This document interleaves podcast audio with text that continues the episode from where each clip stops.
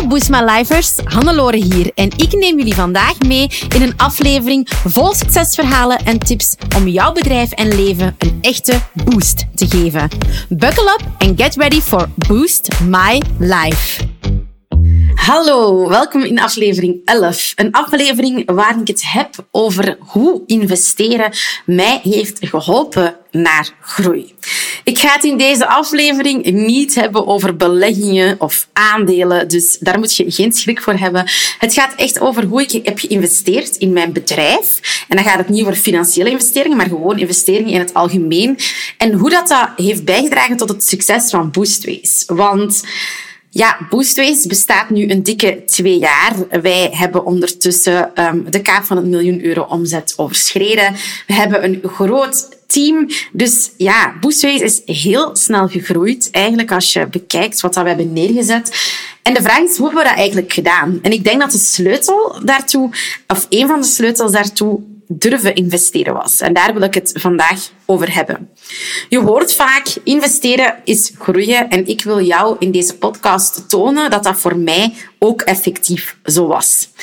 Is dat voor iedereen zo? Dat is natuurlijk moeilijk te zeggen. Ik denk van wel. Ik denk dat als je wel overwogen investeringen maakt, wel doordachte investeringen, dat dat zeker um, ja, kan betekenen dat je, dat je gaat, gaat groeien.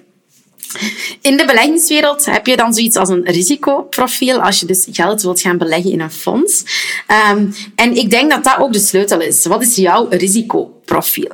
Ik ben iemand die berekende risico's durft nemen. Ik ben niet de zwaarste risk-taker, maar ja, ik durf wel een bepaald risico nemen. Ik durf investeringen maken, omdat ik dan wel weet of heb uitgerekend wat het mij kan opbrengen.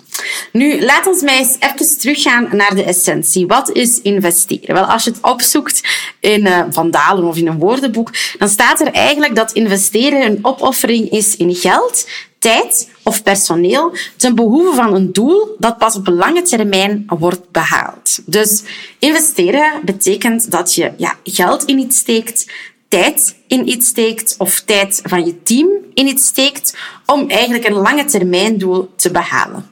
Investeren is dus eigenlijk keuzes durven maken die niet meteen een resultaat hebben, maar die wel een resultaat gaan hebben in de toekomst. Eigenlijk is investeren dus vooral durven keuzes maken om te groeien en durven verder kijken naar die toekomst. Durven dromen. Dat is ook wel een beetje wat ik heb gedaan met Boostways. Ehm, ik wist heel duidelijk waar ik naartoe wou en ik wist ook al heel snel bijvoorbeeld dat ik dat niet alleen zou kunnen, dat ik ook wel wat coaching nodig had. En ik heb dan ook beslissingen genomen om te investeren. Ik heb veel geïnvesteerd. Dat klopt. Maar ik heb dat wel doordacht gedaan. Hoe ga ik nu te werk wanneer ik een investering doe? Wel, ik heb natuurlijk in het bedrijfsleven gezeten en daar maken we zoiets als een business case. Een business case is eigenlijk een soort van Excel-file waarin je verschillende wat-als scenario's gaat simuleren. Dus je gaat eigenlijk um, gaan kijken van oké, als ik die investering doe, wat kan mij dat brengen? Wat als ik zoveel groei? Wat als ik zoveel groei? Wat als ik niet groei? Wanneer heb ik die investering dan terugverdiend?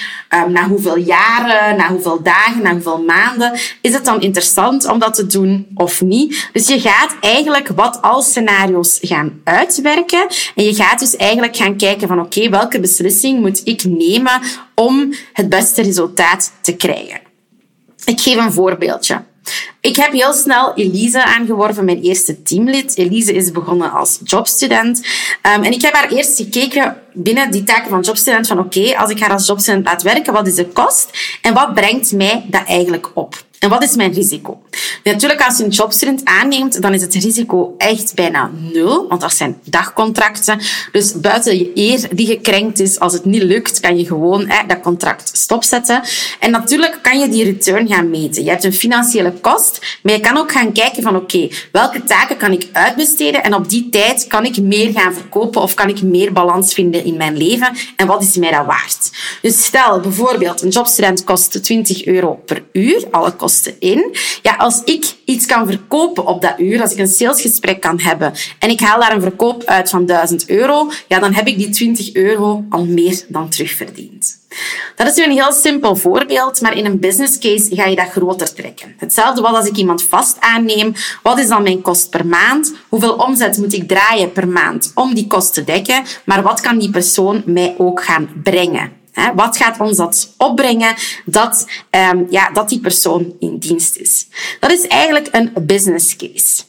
Een tweede voorbeeldje van iets dat ik heb gedaan, een investering die ik heb gemaakt, is bijvoorbeeld heel snel mijn social media Ik heb samengewerkt met Romina. Dat is super gedaan. En ik heb Romina toen eh, een bericht gestuurd en gezegd, kijk Romina, ik ga dat echt niet zelf doen. Ik, ik heb de ideeën. Ik wil zelf content schrijven, maar ik wil niet die posts liggen maken in Canva. Um, en dus heb ik voice notes gestuurd naar Romina met mijn ideeën voor social media posts. En Romina heeft dat omgezet in effectieve posts. Daar ging een kost aan. Uiteraard, Romima moet ook vergoed worden. Maar de tijd die ik won door niet in Canva te moeten liggen klungelen en te liggen prullen, want ik doe dat echt niet graag. Ik vind dat echt niet leuk. Ik ben daar veel te ongeduldig voor en ik wil dan wel dat het er mooi uitziet en perfect is. Dus geen goede combinatie, misschien herkenbaar.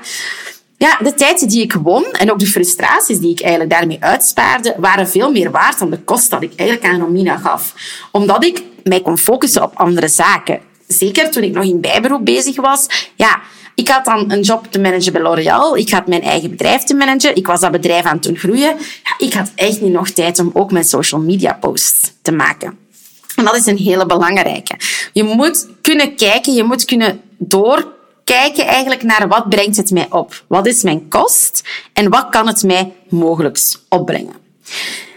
Ander voorbeeld. Ik ga heel veel voorbeeldjes geven in deze podcast, omdat ik je graag wil inspireren. Um, ik wou business coaching volgen zelf. Ik ben ervan overtuigd dat je altijd kan blijven bijleren. Dat het handig is om een stok achter de deur te hebben. Dus ik wou uiteraard zelf terug business coaching volgen. En ik heb een investering gemaakt toen ik nog maar ja, ik denk zes maanden bezig was, ben ik in coaching gegaan bij Sabrina Philip. Een traject dat 20.000 euro kostte voor zes maanden. Ik was nog maar net in hoofdberoep, dus ik had nog maar net een bijberoep gehad en ik heb toch die investering gedaan. Een grote investering. Ik heb die investering ook in één keer betaald. Ik heb die beslissing genomen tijdens een zeer turbulente periode in mijn leven. Ik ben door een scheiding gegaan. Ik was net in hoofdberoep. Ik moest zorgen dat mijn zaak draaide. Ik moest een huis zien te betalen, alleen een lening te betalen. En toch heb ik besloten om die business coaching te doen. En de reden is omdat ik zag naar waar ik wou gaan. Ik heb mijn mijn ogen op het eindresultaat gehouden. Mijn focus op het eindresultaat gehouden. En niet op de situatie waar ik op dat moment in zat. Want als ik mij zou laten leiden door de situatie waar ik op dat moment in zat, namelijk een scheiding, niet weten of dat je je lening van 2000 euro per maand alleen kunt betalen, um, je bent pas in hoofdberoep, je stelt je heel veel vragen van shit, moet ik dit nu wel doen? Moet ik niet teruggaan naar mijn goed betaalde job? Heel veel mensen zouden dan niet durven investeren. Heel veel mensen bevriezen dan, denk ik. Um, ik heb dat bewust niet gedaan. Ik heb mijn focus gehouden op wat wil ik bereiken. En wat ik wou bereiken is mijn bedrijf doen groeien, succesvol zijn en mijn huis kunnen betalen. Wat heb ik daarvoor nodig? Wat staat mij in de weg en wat kan mij helpen? En dat is de reden dat ik bijvoorbeeld die coaching bij Sabrina toch heb gedaan. Omdat ik wist van, oké, nu zit ik even in de shit letterlijk. Ik, allee, nee, niet letterlijk. Uh, maar ik zat echt in de shit. Maar ik weet van, als ik hier wil uitgeraken, dan gaat het alleen maar als ik mezelf challenge. Als ik durf investeren. Als ik mij laat bijstaan door iemand met kennis van zaken. Iemand dat mij kan motiveren. Iemand dat mijn verhaal kent. En dat is wat ik heb gedaan. Ik heb geïnvesteerd in Boostways eigenlijk op het, als ik, het, als ik erop terugkijk, op drie grote domeinen. Enerzijds heb ik investeringen gemaakt in kennis. Ik heb zelf heel veel coaching gevolgd, onder andere bij Sabrina, maar ook andere programma's. Ik denk dat ik in mijn eerste boekjaar bijna 60.000 euro aan coaching heb besteed. Dat is veel geld. Dat is bijna 10% van de omzet, 10, 15% van de omzet. Maar dat heeft er mij wel toe geleid dat ik enerzijds heb geleerd hoe dat ik mij wil positioneren. En dat ik anderzijds heb geleerd van wat er mogelijk is. Dat ik zelf ben gechallenged geweest. Dat mijn kennis altijd maar verbreed en verbreed wordt. Ten tweede, tweede element waarin ik heb geïnvesteerd is tijd. Tijd is natuurlijk een concept. Iedereen heeft evenveel tijd. En ik heb heel snel geleerd dat ik beslissingen moest maken om meer tijd te creëren. Zeker nog toen ik in bijberoep was en een directiefunctie deed.